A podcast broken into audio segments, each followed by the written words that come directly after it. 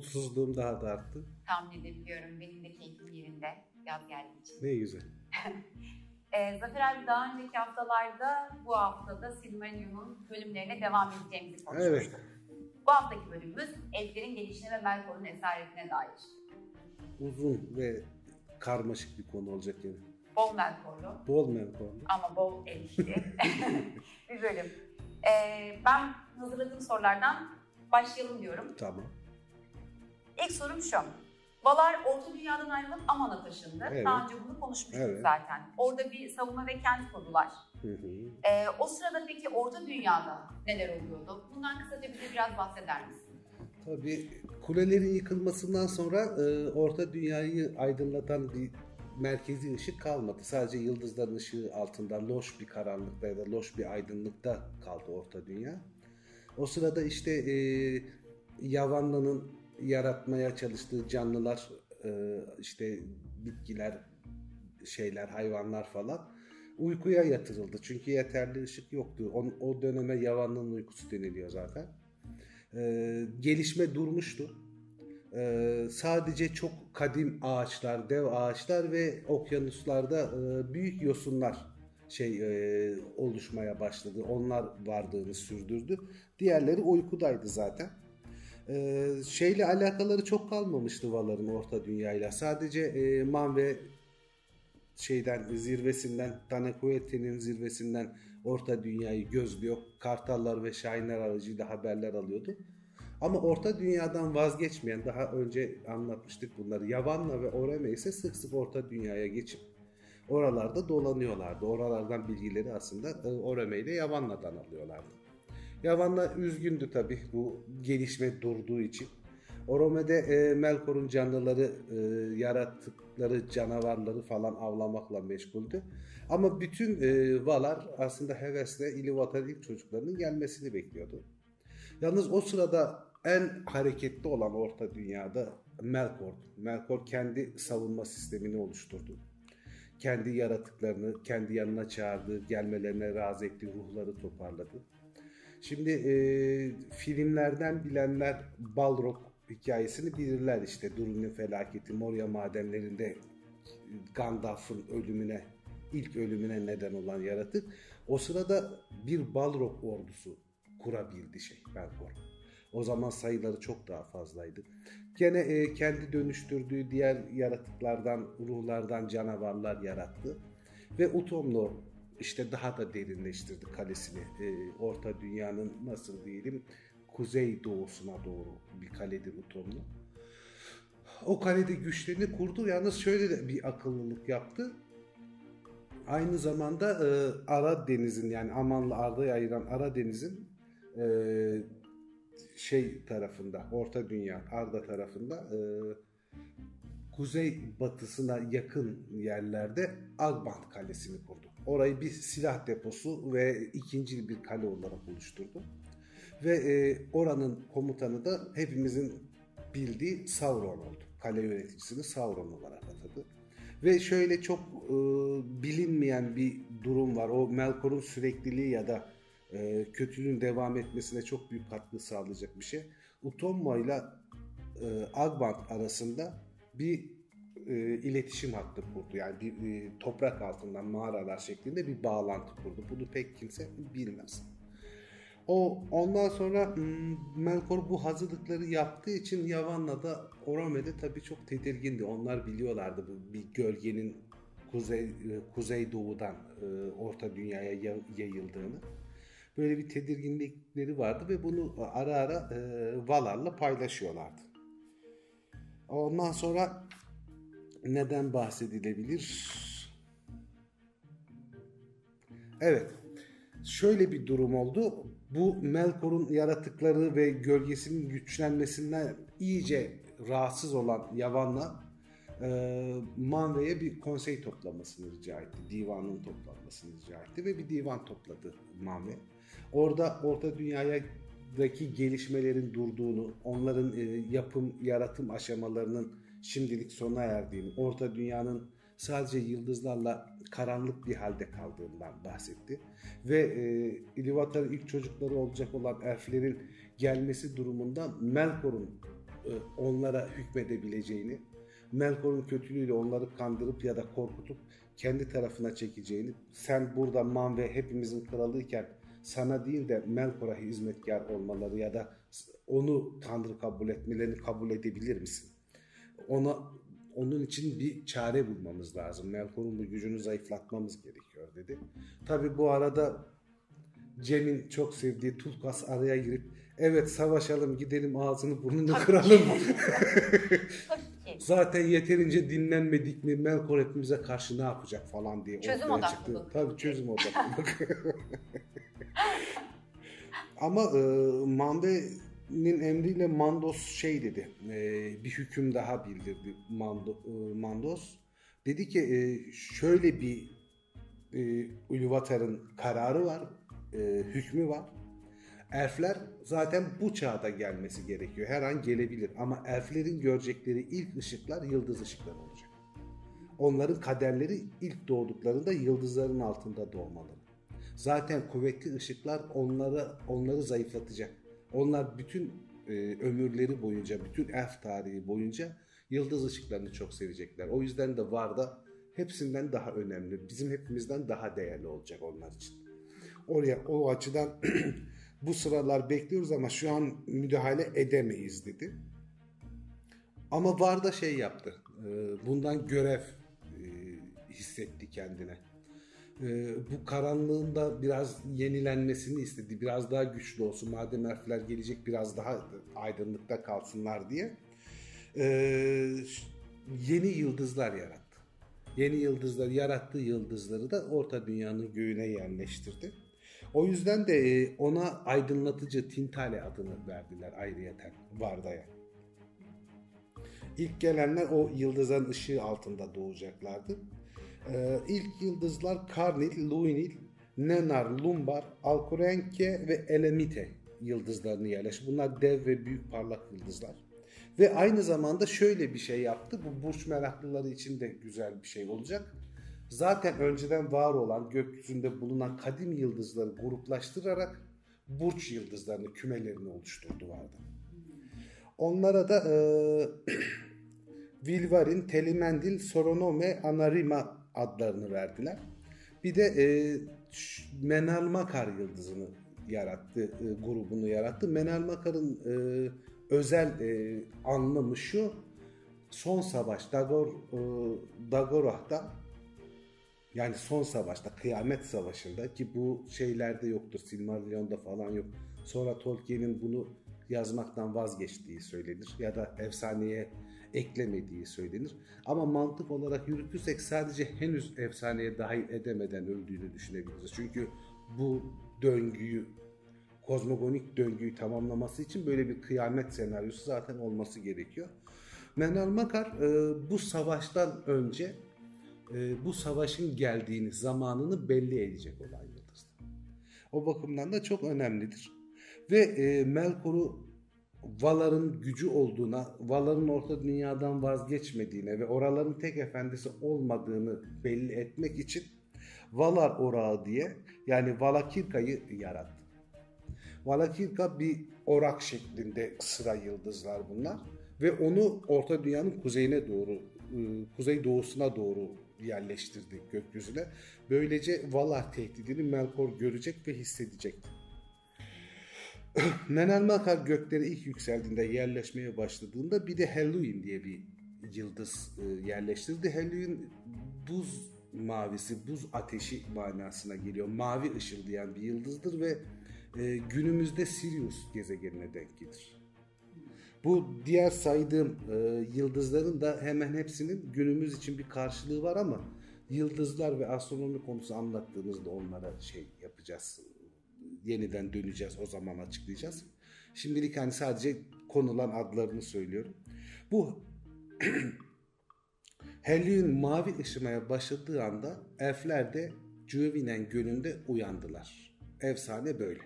Efsane böyle. Evet. İlk, ilk kim gördü onları? Nasıl haberimiz oldu elflerden?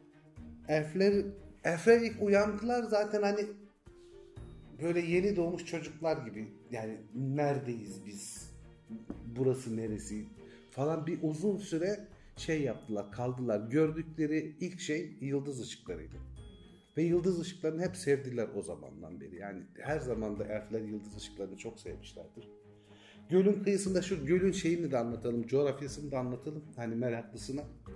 Bu orta dünyanın en doğu sınırlarına yakın doğusunda Orikani dağları olan e, Helkar iç denizinin doğu tarafında bir koydaki küçük bir göl. Bu Helkar denizi iç denizi kocaman bir deniz aslında tabii yani. Onlar daha sonra dünyanın coğrafyası savaşlarla değiştiği sırasında yok oldular. Yani son haritalarda Yüzüklerin Efendisi çağında, Hobbit çağında o bölgeler yok. Daha dünya henüz düzken. Cuvinen Gölü şöyle bir şey diyeyim. E, Cuvinen Nen Göl demek. Cuvinen, Cuvi de şey demek. Ya da Cuvi doğru değil tabii. Bütün C'ler K okunur. Ben ağız alışkanlığı öyle diyorum. Kuyvinen, Kuyviye uyanış demek. Uyanış gölü demek Cuvinen. Uyanış gölünün kenarında uyandılar ve ilk yıldız ışıklarını gördüler. O oralar çok fazla kaynaktan, Orikani dağlarından gelen e, sularla beslenilen yerler. Böyle yanında çağlayanlar falan da var. Ve ilk duydukları böyle hoşlarına gidecek ses de e, yükseklerden taşlara düşen suların sesiydi. O bakımdan da ben bunda kendi adıma Ulmo'nun bir e, uyarısı ya da onlara bir şekilde ritmi şarkıyı öğretişini görüyorum. İlk gördükleri ışık yıldızların ışığı ve ilk duydukları ses suların taşlara çarpan sesiydi. Bu ondan sonra e, bir süre burada kaldılar hareketsiz bir şekilde. Gökyüzünü seyrederek ve oralarda dolanarak yaşadılar. Birbirlerinden çok kopmadılar. E, ve e, nasıl söyleyeyim kendilerine Kuendi adını verdiler. Kuendi demek zaten yani seslerle konuşan demek. Yani kendine konuşabilenler dediler elfler. Bunun sebebi de o sırada çevrelerinde kendilerinden başka şeyler yoktu. Konuşabilen canlılar yoktu. Şarkı söyleyebilen canlılar yoktu. Elfler doğdukları an itibariyle müziğe, melodiye ve şarkıya aşina bir yıldır. Sonra Orane e, Utommo'nun yakınları sayılabilecek bir yer tabii orası. Utommo'nun daha güneyinde kalıyor. Ama Orikani dağlarını geçip oralarda dolanırken elflerin şarkı söyleyişini duydum. Atı Nahar şaşkınlık içinde durdu, kişnedi. Bir sessizlik oluştu. O şarkılarıyla beraber Orome çok etkilendi. Böyle bir büyülü an gibi hissetti onu. Ve er, şey İlivata'nın ilk çocuklarının geldiğini anladı. Sonra gitti sessizce bir süre onları izledi. Ve onların güzelliklerini, şarkılarını, saflıklarını, yüzlerine vuran ışığı çok sevdi. Elflere direkt böyle hayran oldu yani ne kadar güzel canlılar falan diye düşündü. Susunluk içinde uzunca bir süre onları dinledim. Rastlantıyla da olsa ki belki de hani rastlantı tanrısal bir sebepselliktir bilmiyorum. Orome şeyi Juvinen Kuyvinen gölünde şeylere rastladı. Elflere rastladı. Onlar Orome'yi ilk gördüklerinde dehşete kapıldılar. Bunun da şöyle bir Hin şeyi var, e, meselesi var. Aralarından biraz ormanlara doğru, dağlara doğru açılanların çoğu geri dönmedi. Çünkü Melkor aslında Oromo'den de önce elflerin doğuşunu görmüştü. O yüzden kendi ruhlarını, kendi güçlerini gölün kıyısına göndermişti. Ve gruptan ayrılanları falan tek tek yakalıyordu, öldürüyordu ya da büyük ihtimal yakalayıp Utumno'ya götürüyordu. O zaman elfler bunu biliyordu zaten. Elfler yani bir, bir kötülük olduğunu biliyorlardı. Yani bir korkuları vardı karanlık taraflardan, ormanlardan falan. Ve e, şöyle bir şey var. E, aralarında bir bir şekilde bir dedikodu oluştu. Bir at üstünde bir kara şövalye bunları yakalayan avcıydı falan. E, Nahar atı şeyin e, Orome'nin e, Orome Nahar'la beraber gelince o kara şövalyenin bunları yakalayıp öldüren ya da tutsak eden şövalyenin Orome olduğunu düşündüler. Bir kısmı batı, şey doğuya doğru ormanlara doğru kaçtı. Bir kısmı çevrede saklandı. En cesur olanlarsa korkularını yenip Orome'nin karşısında dikildiler. Bir de elfler ilk doğduklarında şu tür bir farklılıkları var. Tolkien'in tabiriyle diyorum günümüz elflerinden. daha uzun boylu, daha güçlü canlılar o zaman ilk doğduklarında. Ama daha güzel değiller. Çünkü güzellikleri yaşadıkları çağlar boyunca çektikleri acılardan, edindikleri deneyimlerden, e, hayatın yormasından falan böyle bir mücevher gibi işlenerek güzellikleri arttı. İlk başta gene e, yaratılmışlar arasında en güzel canlılardı ama günümüzde ya da Yüzüklerin Efendisi zamanında diyelim ilk doğduklarından çok daha estetik ve güzeller. Ama daha uzun boylu ve daha güçlüydüler ilk doğduklarında da. Ve şey yaptı, e, Orome'yi görüp kaçanlar değil bekleyenler Orome'nin yüzündeki Valinor'un ışığını gördüler. Bu kadar güzel bir ışık, nurani bir ışığa sahip canlının kara şövalye olmayacağını akıl ettiler, düşündüler. Ve ondan kaçmayanlar e, şeyle e, dost oldular. Orome ile dost oldular. Konuşabildiler, muhabbet edebildiler. Ona yüce suvari dediler. Orome de onlara yıldızların halkı anlamına gelen Eldar adını verdi. O yüzden Valar arasında elflerin genel olarak tüm soyuna Eldar denir. Daha sonra Eldar özelleşti. Sadece Valinor'a geçen 3 soya Eldar dendi. Ama ilk başta Eldar bütün elfler yani orada dünyayı terk eden, terk etmeyen her elf için kullanılan bir şey terimdir. Ee, daha sonra o kaçışan, korkan elfler ki sayıları az değildi bunların. Melkor'un canavarları, kötü ruhları, habis yaratıkları tarafından yakalandı ve Utumno'ya götürüldü. Burada çok önemli bir şey var. E, tarihi durum var, bir açıklama var aynı zamanda. Utomno'ya giden elfler kötülüğün e, kara güçleriyle öyle bir yozlaştırıldılar, öyle bir değiştirdiler ki ork ırkı, ırkı o elflerden yaratılmış oldu. Melkor'un zaten e, Iron müzikteki isyanından sonra kendi başına bir şey yaratma gücü kaybolmuştu. O ancak elindeki bir malzemeyi değiştirebilirdi ama kendisi sıfır bir malzeme kuramazdı. O yüzden hani orkların yaratıcısı değildi aslında. Elfleri dönüştürerek ork yaptı Melkor. Bu çok şeydir, e, çok hani meraklısı, Tolkien meraklısı, Legendarium meraklıları için ikincil yaratım diye bir kavram var. Ki Tolkien için de çok değerli bir kavram bu. Onu hani böyle saatlerce konuşabiliriz tam açıklayabilmek için. Ama hani burada yeri geldiği için söylüyorum ben. Çok net bir ikincil yaratıcıdır Melkor. Kendisi sıfırdan herhangi bir şey yaratamaz. O ancak dönüştürebilir. Orklar da aynı elfler gibi üredikleri için nüfusları falan çoğaldı. Ve elfliklerine içten duydukları özlemle elflerden en çok nefret eden ve onları yok etmek isteyen bir ırk haline geldiler. Hatta şey denir efsanede bütün yaptıkları içinde en iğrenci elflerden ork yaratmaktır Melkor derler. Büyük kötülükmüş. Büyük kötülük yarattı. Zafer abi peki daha sonrasında elflerin amanı geçtiğini biliyoruz. Hı hı. O nasıl gerçekleşti? O şöyle oldu. Orome e, şey yaptı. Elflerle bir süre orada kaldıktan sonra tabi bu haberi Valar'a ulaştırması gerektiği için büyük bir hızla Valinor'a gitti. Orada şeyi topladı, e, divanı topladı Mame ve elflerin geldiğini söyledi. Ve elflerin geldiğini ama bir kısmının Melkor tarafından gölgede bırakıldığını, kaçırıldığını ya da öldürüldüğünü de söyledi. Bu ciddi bir sorun. Yani elflere yardımcı olmamız lazım artık. Bunun için bir şeyler yapmamız gerekiyor dedi. Ve e, Valar çok sevindi tabii elflerin e, var olduğundan artık uyandığından ama aynı zamanda da tedirgin oldular. Çünkü tam olarak ne yapacaklarını bilemiyorlardı elfleri korumak için. Bu şeyi yaptıktan sonra haberi verdikten sonra Orome zaten elflere yardımcı olmak, onları korumak için şeye geri döndü. Orta dünyaya geri döndü. Gölün kıyısına elflerle beraber yaşamaya gitti. Yavan'la da e, şey e, yaptı. E, elfleri korumak için gerekirse savaşmamız gerekiyor fikrini söyledi. Bu öyle bir toplantı ki Ulmo normalde o dönemlerde şeye e, divana katılmazdı. O dış denizlerde yaşardı. Divana gelmezdi, Valinor'a gelmezdi. Ama o bile dış denizlerden geldi. Ve divan toplantısına katıldı. Ondan sonra e, Mande şey yaptı. E, Tanakoylte de kendi tahtında oturup uzunca bir süre düşündü. Ya bu konuda ne yapabilir? Savaşmak mı doğru? Başka bir şey mi yapılabilir? Ne, ne elimizden ne gelir?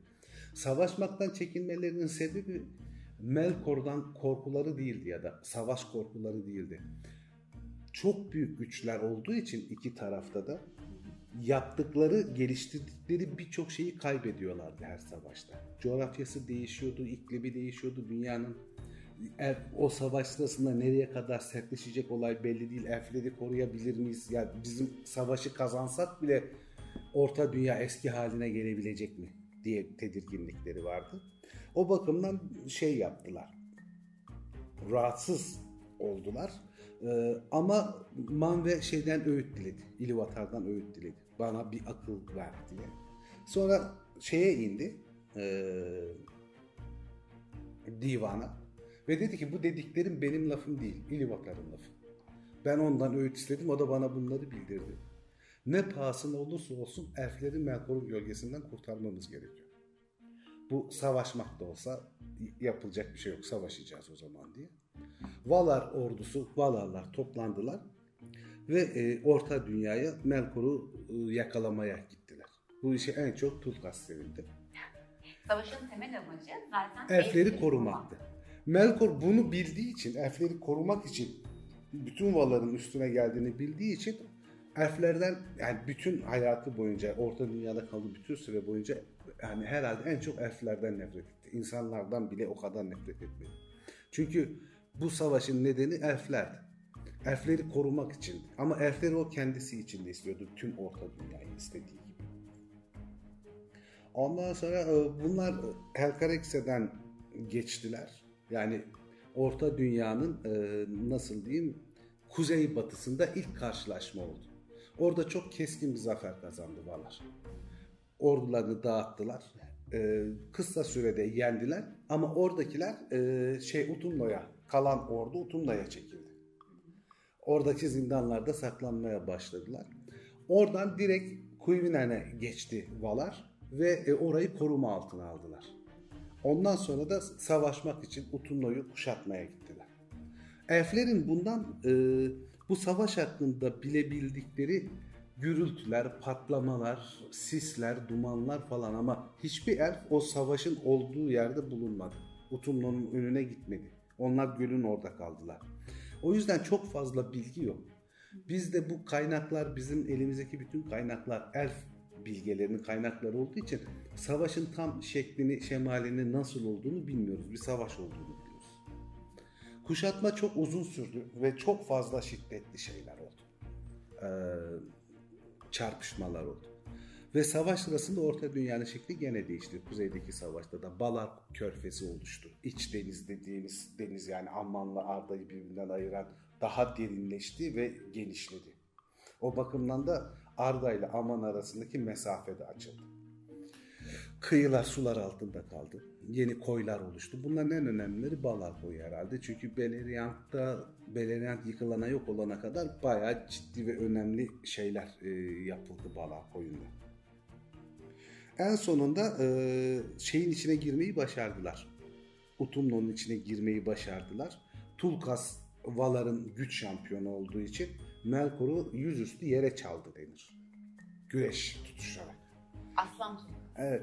Bu bunu daha sonraki bölümlerde detaylandıracağız gene.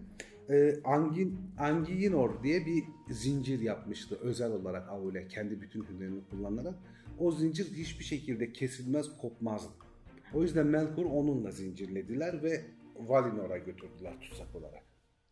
Sonrasında bu savaştan sonra elflerin de ilk yol ayrımına geliyoruz galiba. Kendi aralarında bölünmeleri de bu savaştan sonra gerçekleşiyor. Evet şöyle oluyor. Valinor'a Melkor götürülüyor. Orada divanda yargılanıyor. Yargılanma sonucu 3 çağ boyunca Void'a, boşluğa atılacağı yani orta dünyadan koparılacağı orta dünyaya karışabilen 3 çağ sonunda yeniden bir mahkeme kurulacağına karar veriliyor. Ondan sonra da şeyi tartışmaya başlıyorlar. Ee, bu elflere ne yapacağız biz? Ulmo ve Ulmo başta olmak üzere bir iki tane valla diyor ki yani bunların elflerin diyor kaderi diyor orta dünyadır.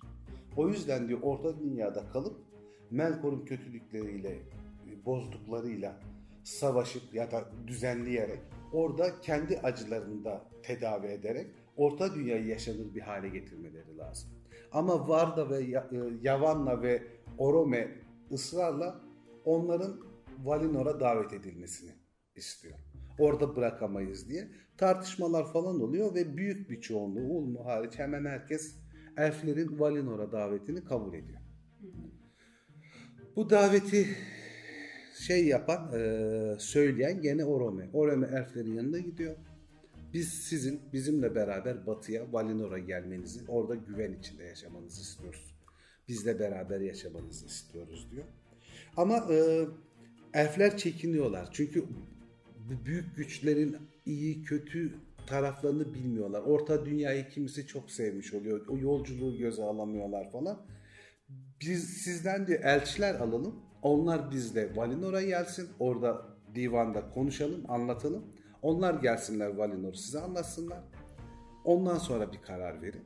O yüzden üç büyük elf soyunun üç büyük kralı Ingve, Finve ve Elve şeyle Orome ile beraber Valinor'a gidiyor.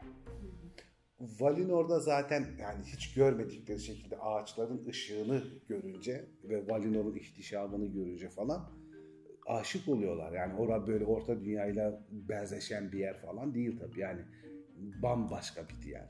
Tanrılar diyarı zaten. Onların hepsi de evet yani biz buraya ırkımızı getirelim diye düşünerek geri dönüyorlar. Böyle anlatıyorlar işte böyle bir refah içindeler, böyle bir güzellik var, orada bambaşka bir ışık var falan. Ve e, Orome'nin önderliğinde elflerin büyük yürüyüşü başlıyor. Büyük yürüyüş şöyle, e, birinci çağ haritasını bulup bakabilenler ya da biz burada görsek olarak koyabiliriz. En doğudan Valinor dediğin şey bütün bir kıtayı geçip denizi geçip şey Aman'a gidecekler. Çok büyük, uzun ve zahmetli bir yol orası. Az uz iş değil yani. Çok yıllar sürecek bir yolculuk bu. Büyük göç deniliyor buna. bu sırada da e, Ing ve şeyin e, Vanyar'ın, güzel elflerin kralı. Fin ve Noldor, bilgelerin, bilge elflerin kralı. El ve kardeşi Olve ile beraber en kalabalık grup olan Teleri elflerinin efendileri. Çünkü onlar çok kalabalık olduğu için iki kardeş birlikte yönetiyorlar Elve ile Olve. Şey çok meraklı. Ingve ve onun soyu en az sayıdadır zaten Vanyar. Onlar en önden seyahate başlıyorlar. İkinci sırada Noldor devam ediyor. Teleri yarı gönüllü yarı gönülsüz seyahate başlıyorlar. En arkadan tıkır tıkır gelenler Teleri elfleri. Ve eee, kimileri de hiç gelmeme kararı alıyor. Yani bu davete icazet etmiyorlar. Biz gelmeyeceğiz. Orta dünyada yaşıyoruz diyorlar. Onlara da gönülsüzler. Avari deniliyor. Avari harfleri oluyor onlarda. Bence çok mantıklı. Gitmemeleri yani. Gitmeden onlar çok uzun çağlar sonra yeniden akrabalarını görebiliyorlar işte hani orta dünyada kalıyorlar. Ee, Teleri elfleri çok büyük bir grup. Kimisi devam ediyor, kimisi kalıyor. İşte e, onlardan ayrılmalar oluyor. Deniz kıyısına geldiklerinde Falas elflerini oluşturan grup da Teleri elfleri. Sindarin'i, Sindarin'i oluşturan elfler de Teleri elflerinin alt kolu. Bu üç ana gruba ışığın elfleri, Kalakuent deniliyor. Işığın elfleri denmesinin sebebi de bu üç ırkında şeyi görmüş olması, ağaçların ışığını görmüş olması. Bunlardan Vanyar, güzel elfler toplu halde gidip yerleşiyorlar ve bir daha asla geri dönmüyorlar orta dünyaya. Bütün hayatları şeyde geçiyor. Aman, e, Aman'da geçiyor. Noldor daha sonra geri dönecek bir kısmı çok büyük bir kısmı. Teleri de daha sonra diğer hepsinden sonra belli bir kısmı şeye geçecek. e, Aman'a geçecek. Öyle bir bölünme var. Yalnız yolda şöyle bir ayrım oluyor. Elve kayboluyor. Daha doğrusu Melian'la karşılaşmak üzere o da başka bir hikaye. Eşi olacak Melian'la karşılaşmak üzere ormanda kayboluyor. Onu çok bekliyorlar gelsin diye. Ama bulamıyorlar çok uzun süre. Mecburen kardeşi Olve onların başına geçiyor. Elfler çok detaylı, çok hoş bir konu hakikaten. Hem de çok güzeller Zafer abi. Yani pek pek kadın mı erkek mi belli olmuyor. İnsanı işkillendiriyorlar ama onun haricinde güzeller yani. Bu Lenve'nin Nandor elfleri e, yani ışığı hiç görmeyen elflere ki bunlar Teleri elfleri onlara ayrıyeten bir isim daha veriyorlar. E, Morriquen diyorlar. Karanlık elfler. Bu Legolas falan karanlık elflerdendir. Yüzüklerin Efendisi'nden bildiğimiz Tarandul. Gene örnek verecek olursak e, Galadriel bir Noldor elfidir, Noldor'dur. Vanyar elflerinden örnek veremiyoruz çünkü Vanyar elfleri şeyden e, kutlu diyardan hiçbir zaman geri gelmiyorlar. Bundan başka da ne söyleyebiliriz? Elflerin yolculuğu, dağılımı genel manada böyle. İlk doğuşları falan genel manada böyle. Ama bu yolculuk ayrı bir konumuz olacak. Çok detaylandırarak anlatacağız bütün elf soyları. Çünkü bunların ilk ataları dediklerimizin isimleri farklıdır mesela. İl ve Ol ve El ve Fing ve değildir. Onların da babaları var. İşte e, bir de şeyleri karşılaştırmasını yaparız. Ee, Kayıp öykülerde yani Silmarillion'dan önce yazılmış kitaplarda, Orta Dünya'nın ilk çağları üstüne hikayelerde falan daha değişik Tolkien'in teorileri var. Onları karşılaştırmalı olarak anlatırız. Şimdilik hani bu bölüm üstüne söyleyebileceğimiz bunlar sorun varsa cevaplayalım. Sorun yok. Elfleri çok sevdim. Hep elflerle ilgili konuşmak istiyorum. Ben korkusuz ama. Elf olasın inşallah. Ne? İnşallah Zafer abi görüşürüz. Görüşürüz. Sağ.